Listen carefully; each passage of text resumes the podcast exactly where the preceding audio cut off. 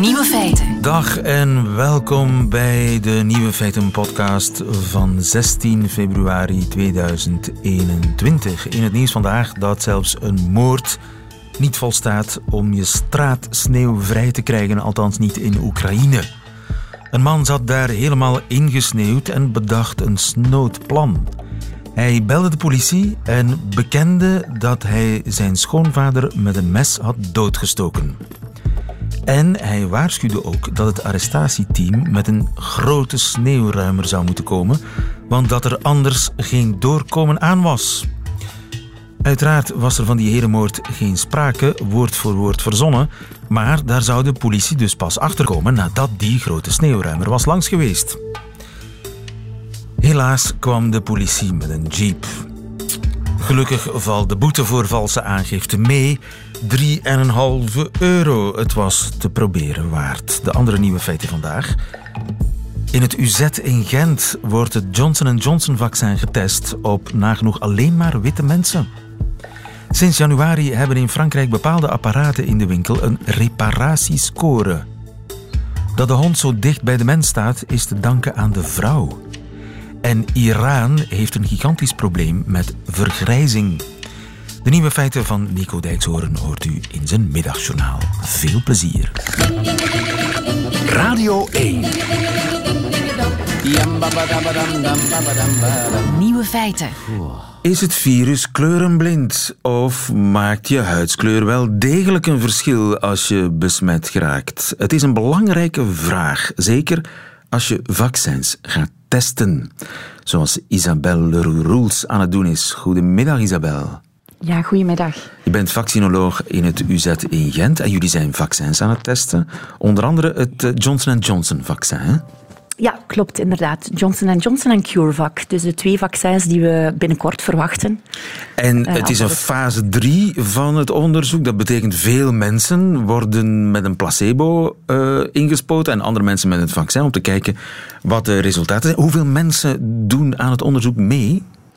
Uh, wel, bij ons, uh, de, als je de twee studies samenneemt, zal dat uh, ja, ongeveer 800 personen zijn. En hoeveel procent daarvan is blank? Uh, ja, bijna allemaal. Uh, ja, dat zal meer dan 98% zijn, als ik mij niet vergis. En is dat ja. een probleem? Met andere woorden, heeft een immuunsysteem een kleur? Um, wel, het, het, is een feit dat, dat het, uh, het uh, immuunsysteem uh, verschillend reageert, ehm, maar dat dat door heel wat factoren beïnvloed wordt. Maar de etniciteit, dus het, het, het ras waar, waartoe iemand behoort, kan inderdaad ook een invloed hebben, de genetica, als we het zo mogen zeggen. Ah ja. ja. Maar ik dacht altijd dat de genetische verschillen tussen zwarte onderling dat die veel groter waren dan de genetische verschillen tussen blank en zwart.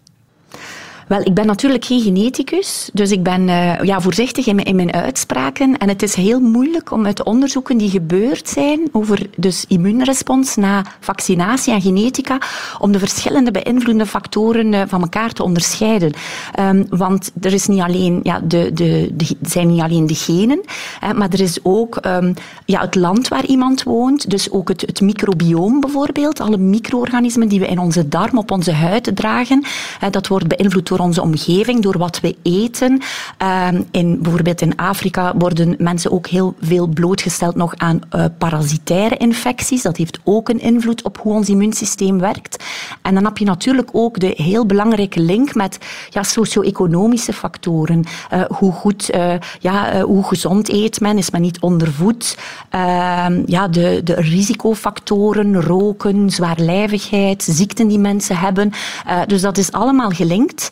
Um, en het is vooral heel belangrijk dat je in klinische studies, zeker in die fase 3, dat je een heel diverse uh, groep hebt die daaraan deelneemt en dat die een weerspiegeling is van de, ja, van de bevolking, van de wereldbevolking. Om maar zeker te zijn dat dat niet gebiased is op de een of andere manier. Ja, absoluut. Om zeker te zijn dat we, als we zeggen dit vaccin werkt goed, uh, dat dat in alle groepen is en inclusief dus in, uh, ja, in, bij mensen met uh, verschillende ja. etniciteit. Ja. Dus als ik jou samenvat, we zijn niet helemaal zeker of het immuunsysteem wel een kleur heeft, maar om uit te sluiten dat het een verschil maakt, moet de, de poelen van mensen waarop je dat vaccin test zo divers mogelijk zijn. Ja, dat is inderdaad zo. Um, ja, dat klopt. Um, en 98% van jouw poelen is uh, blank, dus dat is eigenlijk een probleem. Hoe, hoe komt dat, dat 98% van jouw uh, onderzoek dat dat wit is? Um, wel, om, om duidelijk te stellen, het, het bedrijf doet, voert de studies uit, hè, want in totaal worden 30, 40.000 mensen opgenomen in zo'n studie. En om genoeg diversiteit te hebben, voeren bedrijven dat uit in verschillende delen van de wereld. Om er zeker van te zijn dat echt over de hele studie heen dat al die verschillende groepen uh, goed vertegenwoordigd zijn. Maar het klopt dat bij ons uh, het heel moeilijk is om uh, mensen met een verschillende culturele, etnische achtergrond uh, tot in ons studiecentrum te krijgen. we hebben nogthans, en dat is wel uniek voor deze COVID-vaccinstudies, heel veel media-aandacht gekregen.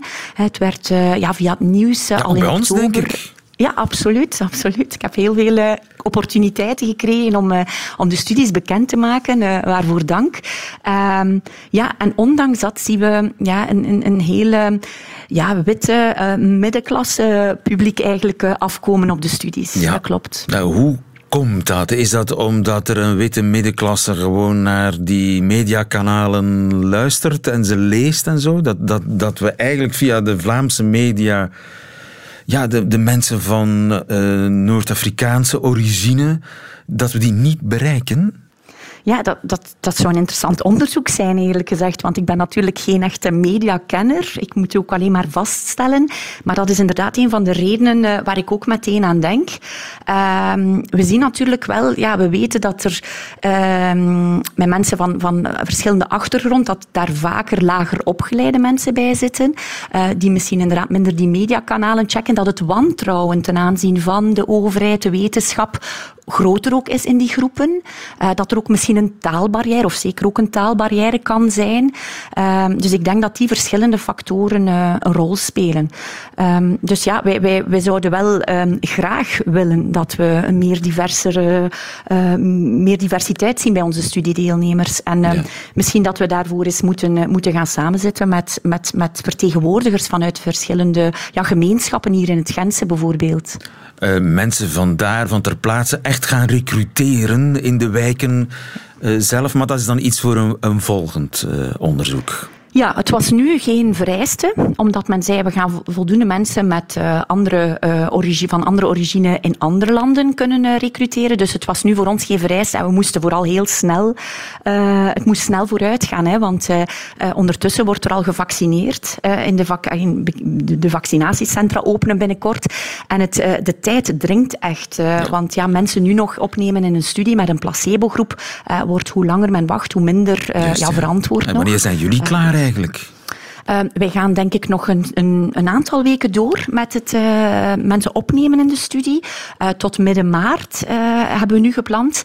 En, en daarna, ja, die studies zelf lopen eigenlijk gedurende een jaar of twee. men wil heel graag weten van hoe lang is men beschermd, hoe, hoe, lang blijven die antistoffen aanwezig. Maar we verwachten natuurlijk wel dat we heel veel mensen verliezen in de loop van de tijd. Hè. van zodra men in aanmerking komt voor vaccinatie, via een vaccinatiecentrum, kan men eigenlijk vragen um, um, om, om uit ja, de studie te stappen. Om uit de studie, niet meteen uit de studie te stappen. Dus dan richt men naar ons de vraag van wat heb ik nu precies gekregen? Zat ik in de vaccingroep of heb ik een placebo gekregen? dus die unblinding mag men aanvragen van zodra men in aanmerking komt voor vaccinatie. En dan is het aan de persoon zelf om te beslissen of hij al of niet in de studie blijft. Ja, uh, ik wens jullie in elk geval heel veel succes nog met de vaccinstudies in het UZ in Gent. Isabelle Leroux-Roels, dankjewel. Goedemiddag. Nieuwe feiten. Radio 1. A dog is a man's best friend, zeggen de Engelsen, maar eigenlijk klopt dat niet helemaal. Het zou moeten zijn: a dog is a woman's best friend. Tenminste, als je man niet in mens, maar in man zou vertalen. Chris Dusserswa, goedemiddag. Goedemiddag, ja. Uh... Het schijnt dat de vrouw een cruciale rol gespeeld in de domesticatie van dier, van honden. Ja, uh, er is een, uh, pas een studie verschenen, een etnografische studie. Een studie die eigenlijk verschillende culturen naast elkaar legt en kijkt welke rol de hond in die culturen heeft gespeeld. En dat is een ja, vrij unieke kijk, omdat we, als we over honden praten, ja, uh, baseren we ons meestal op genetische studies of enkel op archeologie en zelden op studies van culturen. En dat is nu gebeurd. Er zijn 144 verschillende culturen door meer dan 8000 teksten uh, uh, geanalyseerd. En daarin is men gaan kijken welke rol die hond speelt in die culturen, welk belang de hond heeft voor de mens, welk, uh, welk belang de mens heeft voor de hond. En in hoeverre, en dat is ook wel heel interessant, in hoeverre die hond gepersonaliseerd wordt. In sommige culturen krijgen dieren, in tegenstelling tot voorwerpen, of sommige voorwerpen eigenlijk ook, ja, die krijgen een soort van persoonlijkheid, die krijgen een geest, ze krijgen een naam, ze worden opgenomen in het huishouden, ze mogen zelfs bij de baas slapen. Dat is het aspect personaliseren. En uit die studie zijn toch drie zeer opvallende uh, vaststellingen te onthouden. Ten eerste, hoe kouder het wordt, hoe dichter de hond bij de mens staat. Okay. Dus in culturen waar het, uh, waar het voldoende warm is, uh, hebben honden een, een, een, minder belangrijke functie dan in uh, culturen waar het bitter koud is. En er staat een heel mooi voorbeeld van de Sami-cultuur. Wij noemden dat vroeger Lappen, van Lapland, maar tegenwoordig is het woord Sami. waarin beschreven wordt dat een man die zijn hond verliest, eigenlijk zo goed als ten dode opgeschreven is. Je kunt in de Sami-cultuur, als het bitter koud is, maar beter je kind of je vrouw verliezen dan je hond. Want als je je hond verliest, ben je niet alleen een transportmiddel kwijt, je bent eigenlijk ook de bron van eten kwijt. Want zo'n hond in Sami-culturen, ja, die helpt je bij het jagen. Die kan een gat in het ijs waaronder een zeehond zit, die kan dat aanwijzen. En heb je die niet, ja, dan leidt je honger. Zonder hond ben je niks ja. in uh, Lapland. Dus dat is de kou die een dat rol is de kou. Maar niet de vrouw die een rol Uh, speelt. de, de vrouw, daar, daar kom ik zo meteen op. Er is nog een tweede belangrijke uh, nuance. Hoe meer je een cultuur bent van jagers en verzamelaars, hoe belangrijker de hond, hoe meer je een cultuur bent van landbouwers en mensen die gewassen uh, verbouwen, hoe minder belangrijker die hond wordt. En dat lijkt me dan uh, iets meer voor de hand te liggen. Maar de derde conclusie is inderdaad wanneer vrouwen zich met de honden gaan bezighouden, dan stijgt het belang dat die hond heeft voor de mens. En dan is de kans ook veel groter groter dat die hond wordt gepersonaliseerd. En dan geven ze voorbeelden van culturen. Ja, vroeger noemden wij dat primitieve culturen. We zijn er al lang van afgestapt. Maar culturen die dus niet zo vaak in contact zijn gekomen met de moderne maatschappij. Waarin, honden niet, uh, waarin vrouwen pardon, niet alleen verantwoordelijk zijn uh, voor het grootbrengen van de kinderen. Maar zich eigenlijk ook bezighouden met de huisdieren. En waarin je ja, zeer opvallende verschijnselen ziet. Zoals vrouwen die puppies zogen. Hè? Ja, inderdaad. Die puppies dus aan de eigen borst leggen om die te zogen. Hebben die puppies die, geen eigen moeder dan? Om... Uh, wel ja, gesteld dat ze die van de moeder hebben weggenomen bijvoorbeeld. En okay. die, dat, uh, ze, ze zogen, ze zijn nog niet gespeend. Dan kan dat, uh, dan kan dat wel... Qua domesticatie kan dat tellen? Qua domesticatie kan dat inderdaad tellen. Die zorgen ervoor dat die hond bijvoorbeeld ook bij de kinderen mag slapen. Of dat de hond in het, in het huis mag komen. En dus waarom het... deed die vrouw dat? Adopteren ja, van een hond eigenlijk? Uh, daar, daar, hebben we, daar hebben we een beetje traden naar. Want zoals met veel studies uh, krijg je een aantal antwoorden, maar die antwoorden roepen nog veel en veel meer vragen op dan die studie in beginsel antwoordt. Maar het wijst erop dat vrouwen daar een hele belangrijke rol in hebben gespeeld en dat vrouwen misschien de eersten waren, want voor ons, de dag van vandaag, is dat normaal, dat wij een dier houden zonder dat dat dier eigenlijk een andere functie heeft dan bij ons te zijn. Vroeger gezelschap. Gezelschap. Ja. Eh, het wijst erop dat vrouwen misschien de eersten waren die die puur functionele, uh, de, de, puur functionele positiviteit die honden toebrengen bij mensen. Ja, je kunt ermee gaan jagen, ze, ze zijn misschien ook lekker, uh, ze kunnen uh, lasten verslepen. Vrouwen de eerste bewaken, waren, bewaken enzovoort. De vrouwen de eerste waren die die hond eigenlijk echt in huis haalden. Je kunt hem ook knuffelen. Voilà. En die het, die, het, die het dier beschouwden als een onderdeel van het gezin. En die de hond eigenlijk van buiten de samenleving tot binnen in de samenleving, tot in de kern van het gezin brachten. En dat is toch wel heel erg opvallend. Dus onthouden hoe kouder, uh, hoe dichter de hond uh, bij jou, hoe meer je een jager bent, hoe meer je belang hecht aan die hond. Maar ook de belangrijke rol die vrouwen hebben gespeeld in het domesticeren van de hond. En dat is heel mooi eh, als ik mag afsluiten, is heel mooi samengevat.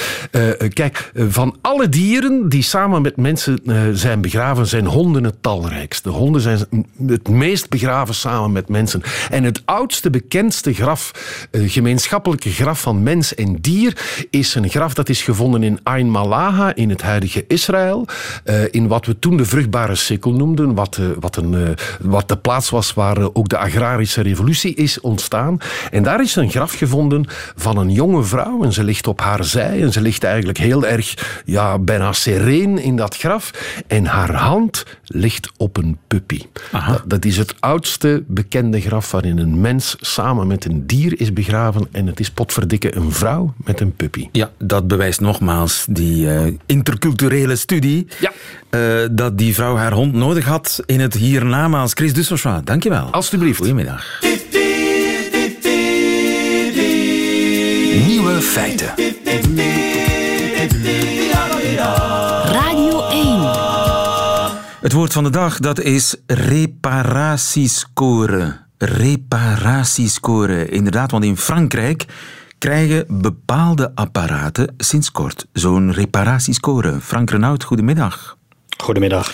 Je bent ons man in Frankrijk. Is het uh, vergelijkbaar met de Nutri-score die ook bij ons in uh, de supermarkt ziet? Ja, op, op voedingswaren gekleefd? Ja, de ene, de ene vertelt hoe gezond een product dan is, hè, volgens een bepaald systeem. dit vertelt eigenlijk, deze sticker waar we het over hebben, die vertelt hoe repareerbaar het product is. Hoe repareerbaar een apparaat is. En op welke apparaten plakt die plakker dan?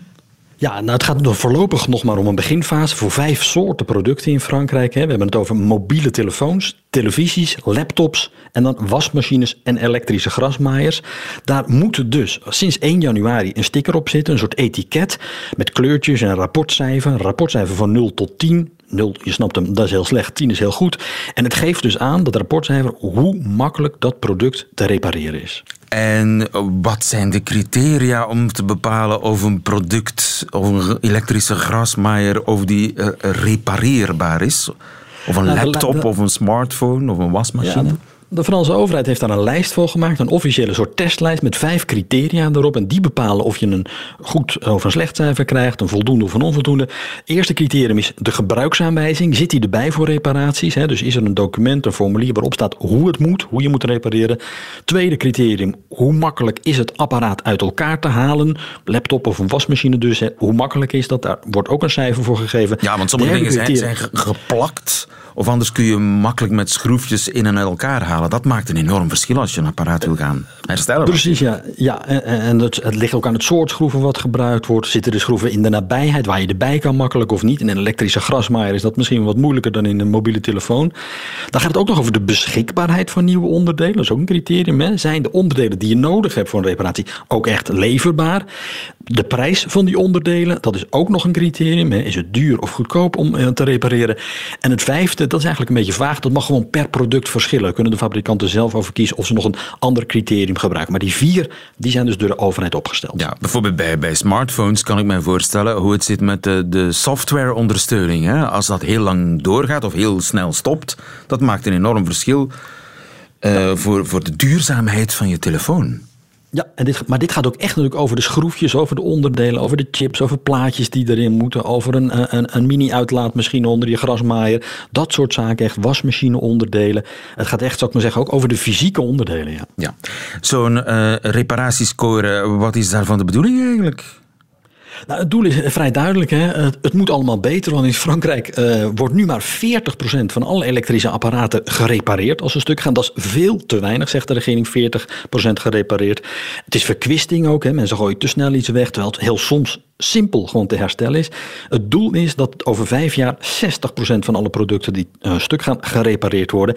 En daar moet dit logo onder meer voor gaan zorgen. Nou, dat, dat, rapportcijfer waar we het over hadden net van 0 tot 10, dat moet natuurlijk de consument aan het denken zetten. Hè. Die moet erover na gaan denken om een duurzaam product te kopen, wat dus langer meegaat als je het repareert. Maar, en dat zit de crux in, het moet ook de producenten aan het werk zetten. Want een goed cijfer moet in de winkel een concurrentievoordeel worden. En dat lijkt ook te werken, want er zijn een soort eerste evaluaties nu gedaan. Hè. Het geldt anderhalve maand in Frankrijk, die, dat repareercijfer. Er is één telefoonproducent geweest die echt in actie is gekomen door deze regel. Die heeft een speciale reparatiegids gepubliceerd voor een van de toestellen. Komt ook met een online boutique voor reserveonderdelen voor telefoons. Dus dat is goed, dat is wat de regering wil. En er is ook een computermerk die heeft bijvoorbeeld gezegd dat de levertijden voor onderdelen dat die flink versneld zullen worden. Want nu waren die levertijden nog heel erg lang. En dat computerbedrijf heeft beterschap beloofd. Ja, het is ook een wapen natuurlijk in de strijd tegen die ja, geplande veroudering, waarvan sommige fabrikanten verdacht worden om, om een soort van ja, eh, vroegtijdige dood in te bouwen in hun apparaten, om sneller nieuwe apparaten te kunnen verkopen? Ja, die discussie is in Frankrijk natuurlijk ook gevoerd. Hè, dat er uh, onderdelen in apparaten zitten die ervoor zorgen dat die na vijf jaar of korter of langer automatisch stuk gaat. En dit is een tegenwicht. Het speelt ook wat in de bredere discussie natuurlijk in de Franse politiek over groen beleid, klimaatbeleid. President Macron is daar heel erg mee bezig natuurlijk. Hè. De circulaire economie wordt ook gestimuleerd in Frankrijk. Dus dat producten hergebruikt worden steeds meer. Want we gooien natuurlijk in het Westen, ja, laten we eerlijk zijn, alles maar weg. Steeds meer van kleren tot je telefoons. Dat creëert een afvalprobleem natuurlijk, wordt in Frankrijk Maar het is ook gewoon ja, verkwisting. En hoe groot is de kans dat de lijst met apparaten die zo'n eh, reparatiescore moeten hebben, dat die lijst wordt uitgebreid met bijvoorbeeld stofzuigers of printers of koffiezetapparaten? Dat is de bedoeling. Daar is nu nog geen verdere planning voor gegeven. Er wordt nu eerst gekeken naar deze vijf soorten producten die er nu zijn. Hè, hoe dat gaat. Het is ook, moet erbij gezegd worden, allemaal nog op een eh, basis dat bedrijven zelf kunnen bepalen hoe hun rapportcijfers berekend worden. Dus er is ook wel kritiek op natuurlijk. Hè. Controles zijn er ook pas vanaf 2022. Eventuele bestrijding, ook bestraffing van, door de politie en justitie als bedrijven zich er niet aan houden. Dus het is voorlopig dit jaar ook allemaal nog een beetje, nou ik wil niet zeggen vrijblijvend, maar bedrijven kunnen zelf zeggen, ik zet een 8 op mijn telefoon of op mijn wasmachine. En ze hoeven niet te vertellen hoe ze bij die acht gekomen zijn, hoe de berekening daarvoor is. Het geldt ook nog alleen in Frankrijk natuurlijk, laten we wel wezen. De meeste bedrijven die produceren natuurlijk in het buitenland. Dat is ook een probleem bij dit systeem. Want kleine bedrijven bijvoorbeeld, die hebben helemaal geen geld natuurlijk om loodsen met onderdelen in Frankrijk neer te zetten. Dus die hebben lange levertijden. En scoren daardoor slecht, terwijl het product misschien wel goed is. Dus dat, die beoordeling is daarmee ook niet helemaal eerlijk. En de laatste vraag is natuurlijk misschien wat belangrijkst. Gaat het echt de consument beïnvloeden natuurlijk? Hè? Want iedereen, jij en ik, we willen allemaal graag de laatste snufjes hebben. En het liefst ook elk jaar opnieuw. Dat is natuurlijk uh, moeilijk uh, te beïnvloeden, ons, uh, wat we zelf willen. En ik vraag me ook af, ja, hoeveel wasmachines, smartphones, laptops, televisies zijn van Franse makelij? Dat de Franse producenten daarop kunnen inspelen. Ik bedoel, dit is toch iets dat je bijna wereldwijd zou moeten aanpakken, of toch minstens Europees? Absoluut, maar het verweer van de Franse regering is: uh, waarom zouden wij er dan niet mee beginnen? Goeie vraag. Frank Renaud, dankjewel. Goedemiddag.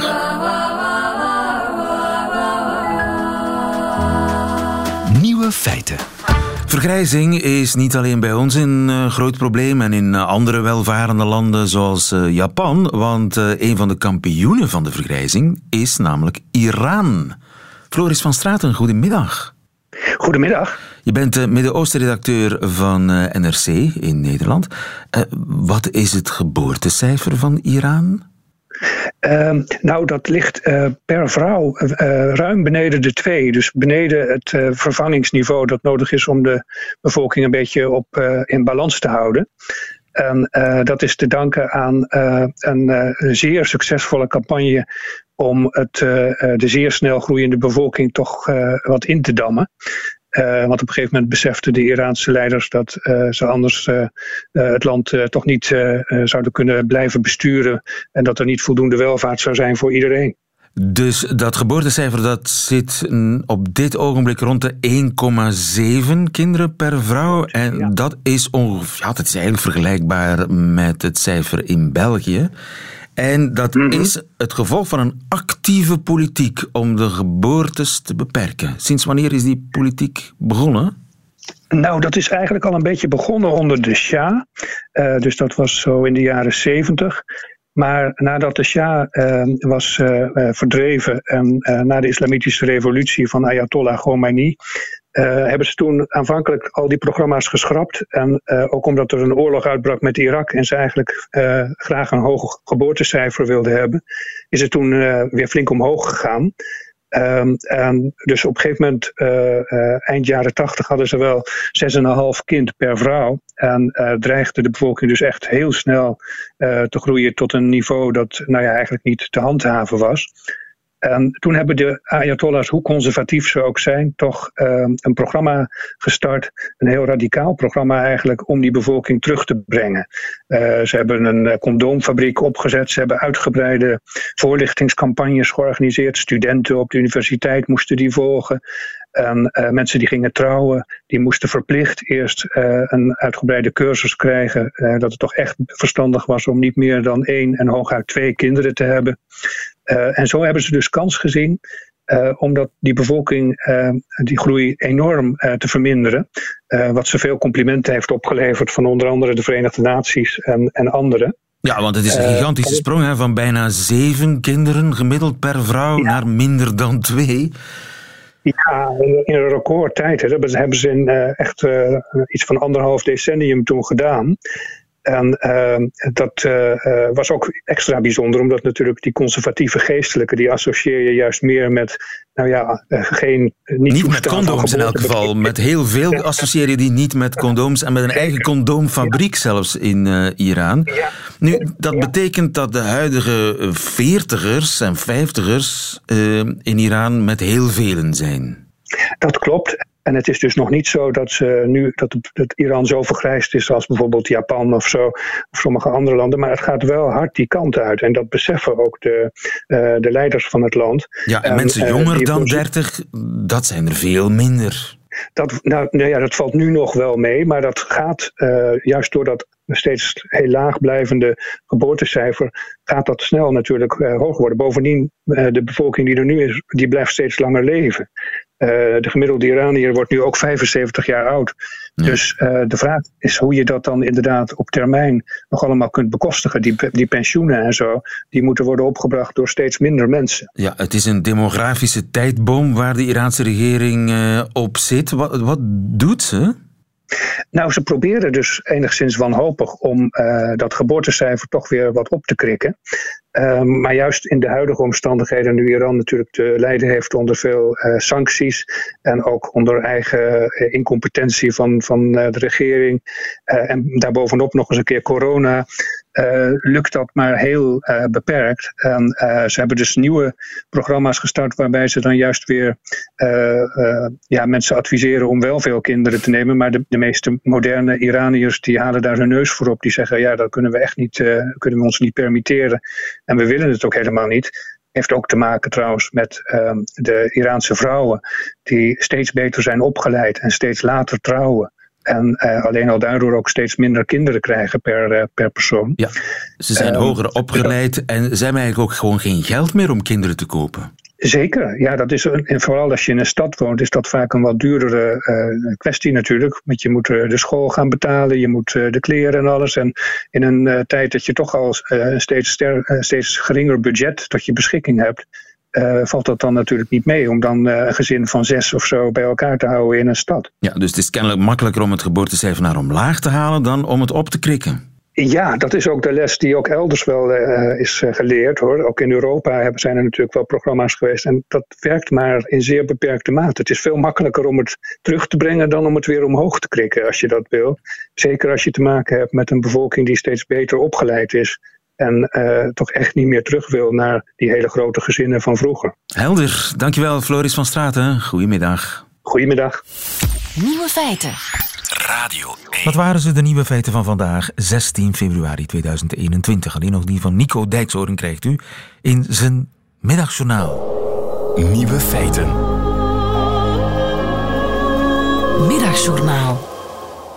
Beste luisteraars, ik vind het zo fijn dat bijna niemand mag skiën. Nee, laat ik dat specificeren. Ik vind het zo fijn dat bijna niemand nog dingen mag doen die ze dan later allemaal aan mij gaan vertellen. Bij skiën komt er nog eens bij dat mensen die van skiën houden heel graag willen dat jij ook gaat. Dat is bijna een religie. Je kunt skiliefhebbers helemaal gek maken als je blijft weigeren. Ze staan vlak voor je met die bruine koppen en dan komt het hele verhaal weer. Niek, Niek, je moet echt een keer gaan. Ah man, ze hebben er bergen, echt waar.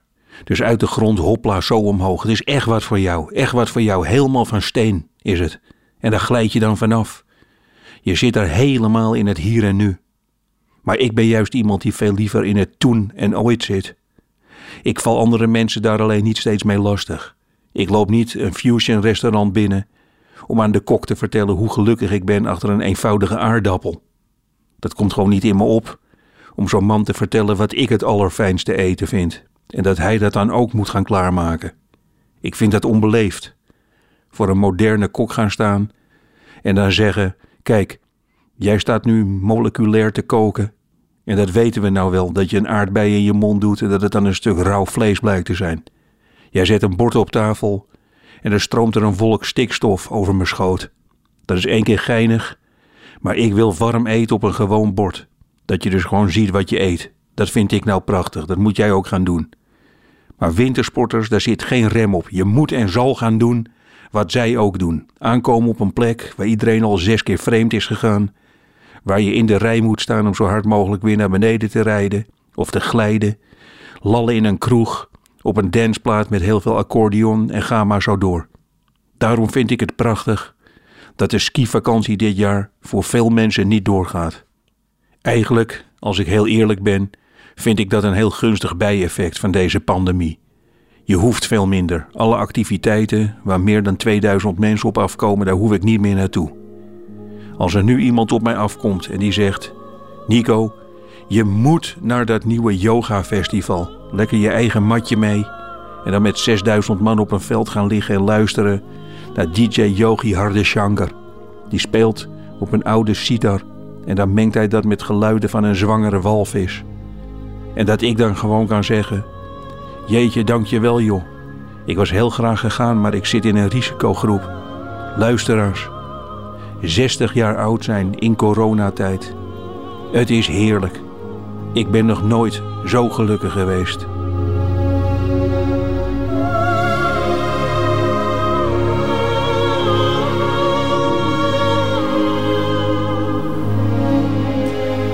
Het middagjournaal met Nico Dijkshoorn, die nog nooit geskiet heeft. En die als een van de enigen nu al heimwee heeft naar de coronamaatregelen. Einde van deze podcast. Hoort u liever de volledige uitzending van Nieuwe Feiten? Dat kan natuurlijk via onze website of via onze app. Daar staan overigens nog veel meer fijne podcasts op u te wachten. Tot een volgende keer.